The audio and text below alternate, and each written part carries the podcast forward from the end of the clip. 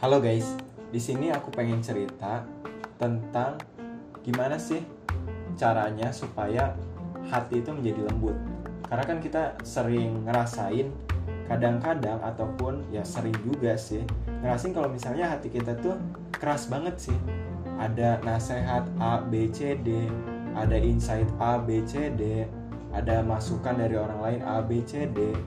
Yaitu sulit banget gitu masuk ke hati kita dan kayaknya hati kita tuh batu banget gitu bener-bener keras gitu. Nggak mau nerima apa yang pengen masuk hal-hal positifnya yang pengen masuk ke hati kita atas tindakan-tindakan yang bakal kita lakuin dan lain segala macamnya. Itu tuh bener-bener batu keras banget gitu hati kita tuh. Nah di sini aku dapetin insight ini cara supaya melembutkan hati. Membuat hati itu semakin lama semakin lembut Gimana caranya? Ini aku dapetin dari satu kajian yang aku dapetin dari Ustadz Hanan Taki. Yang biasa aku kunjungi kajiannya itu di Mall Trans Studio Bandung gitu.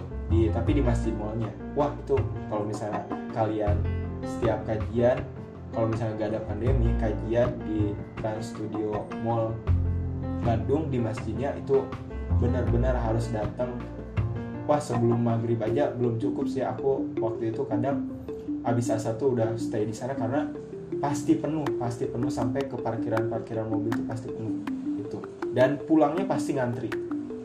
Pulangnya pasti ngantri karena ya itu sangat membludak sekali kalau misalnya setiap kajian bukan setiap bulanan ataupun setiap tahunan itu setiap minggu. Setiap minggu pasti kejadian kayak gitu. Kalau misalnya Ustadz Hanan Ataki yang ngisi jadi balik lagi Ustadz Nana bilang gimana caranya ngelembutin hati adalah dengan cara istighfar. Karena istighfar itu kayak misalnya gini.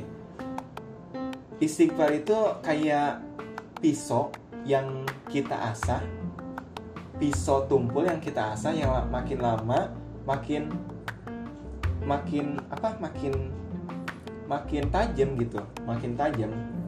Jadi sama kayak hati. Hati itu semakin kita ucapkan, semakin kita renungkan dengan kekuatan istighfar, itu semakin lama, semakin diasah, maka hati kita yang keras akan makin lama makin lembut. Terus apa korelasinya antara istighfar dengan hati itu keras atau lembutnya? Jadi kan kalau misalnya kita renungkan, kalau misalnya kita bayangkan kalau hati itu kan keras nih. Hati itu berkaitan dengan pondasi atas dasar apa yang ada di tubuh kita. Segala pondasi yang kita lakukan, segala pondasi atas tubuh secara keseluruhan itu kan berasal dari hati. Tingkah laku kita, tindak tanduk yang ingin kita lakukan itu kan berasal dari hati. Dan istighfar adalah satu kunci supaya melembutkan hati. Nah, korelasinya adalah ketika hati kita keras, itu kan selalu ada kesombongan. Selalu ada kesombongan selalu ada ngerasa tinggi selalu wah selalu ada rasanya pelein sesuatu selalu ada hal-hal negatif yang itu ada kaitannya dengan dosa. Jadi kan dosa itu pasti sesuatu hal yang negatif kan? Pasti dong kayak gitu. Jadi kunci untuk membersihkan dosa-dosa itu kunci untuk membersihkan kesombongan-kesombongan itu kunci untuk menetralkan hal-hal negatif yang ada pada hati kita supaya hati kita dari keras menjadi lembut adalah istighfar. Karena istighfar itu punya makna. Maknanya apa? Maknanya adalah perenungan diri supaya kita tuh sadar kita tuh punya salah loh terkait kesalahan apa pun terkait poin A, B, C, D. Kayak misalnya kita ada poin salah ke teman ada poin mungkin pernah ngebohong tadi pagi ataupun kemarin malam kayak gitu gak tahu apa. Dan istighfar tuh kayak misalnya astagfirullahaladzim itu kan artinya itu aku memohon ampun kepada Allah Subhanahu wa taala yang maha agung. Dan itu pemaknaannya dalam. Kalau misalnya kita terus ulang-ulang terus itu wah itu kayak yang tadi Ustadz tadi sebutin. Kalau misalnya kita terus ucapkan dan sambil dimaknai pakai hati yang benar-benar dalam itu tuh kayak misalnya hati kita tuh lagi diasah oleh istighfar supaya makin lama itu makin lembut. Itu. Kuncinya adalah perenungan diri dari sebuah istighfar dan dan aktualisasinya melalui pengucapan dan lafal kayak gitu. Itu di, dilakukan secara berulang-ulang itu dan bahkan aku pernah dapat insight dari Aagim. Aagim pendiri Darut Tauhid di Bandung. Dan beliau itu ngasih tahu minimal istighfar itu kalau bisa lebih dari 100 kenapa? Ini ada poin lebihnya. Dan satu sisi lain dari keajaiban istighfar itu menurut Aagim itu adalah istighfar itu bisa ngebuat doa-doa kita itu dikabulin.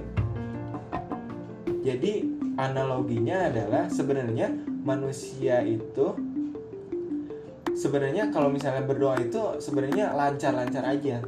Kayak misalnya aliran sungai. Pada hakikatnya setiap kali manusia berdoa itu pasti lancar, pasti bakal dikabulin. Yang membuatnya kehambat adalah dosa-dosa kita. Yang membuat kehambat adalah dosa-dosa kita. Seperti analogi aliran air yang bersih, tapi suatu ketika tersumbat oleh sampah-sampah yang itu adalah dosa-dosa. Dan gimana caranya supaya kita membersihkan sampah-sampah itu supaya air itu mengalir lancar? adalah dengan istighfar makanya kalau misalnya di pesantren agim itu sering diajarin kalau istighfar itu harus ada di setiap langkah kita. Sambil direnungkan sambil dimaknai dan berkaitan dengan tadi juga bagaimana istighfar itu bisa melembutkan hati dan juga bagaimana hakikatnya istighfar itu sebenarnya bisa mengabulkan doa-doa kita yang kita butuhkan gitu. Itu. Jadi ada dua poin insightnya. Poinnya adalah dari istighfar ini kita bisa melembutkan hati kita dan yang kedua adalah istighfar ini sebenarnya adalah kunci untuk membersihkan dosa-dosa kita sehingga doa kita itu bisa berjalan lancar. Oke, cukup sekian. Terima kasih. Alsi orang.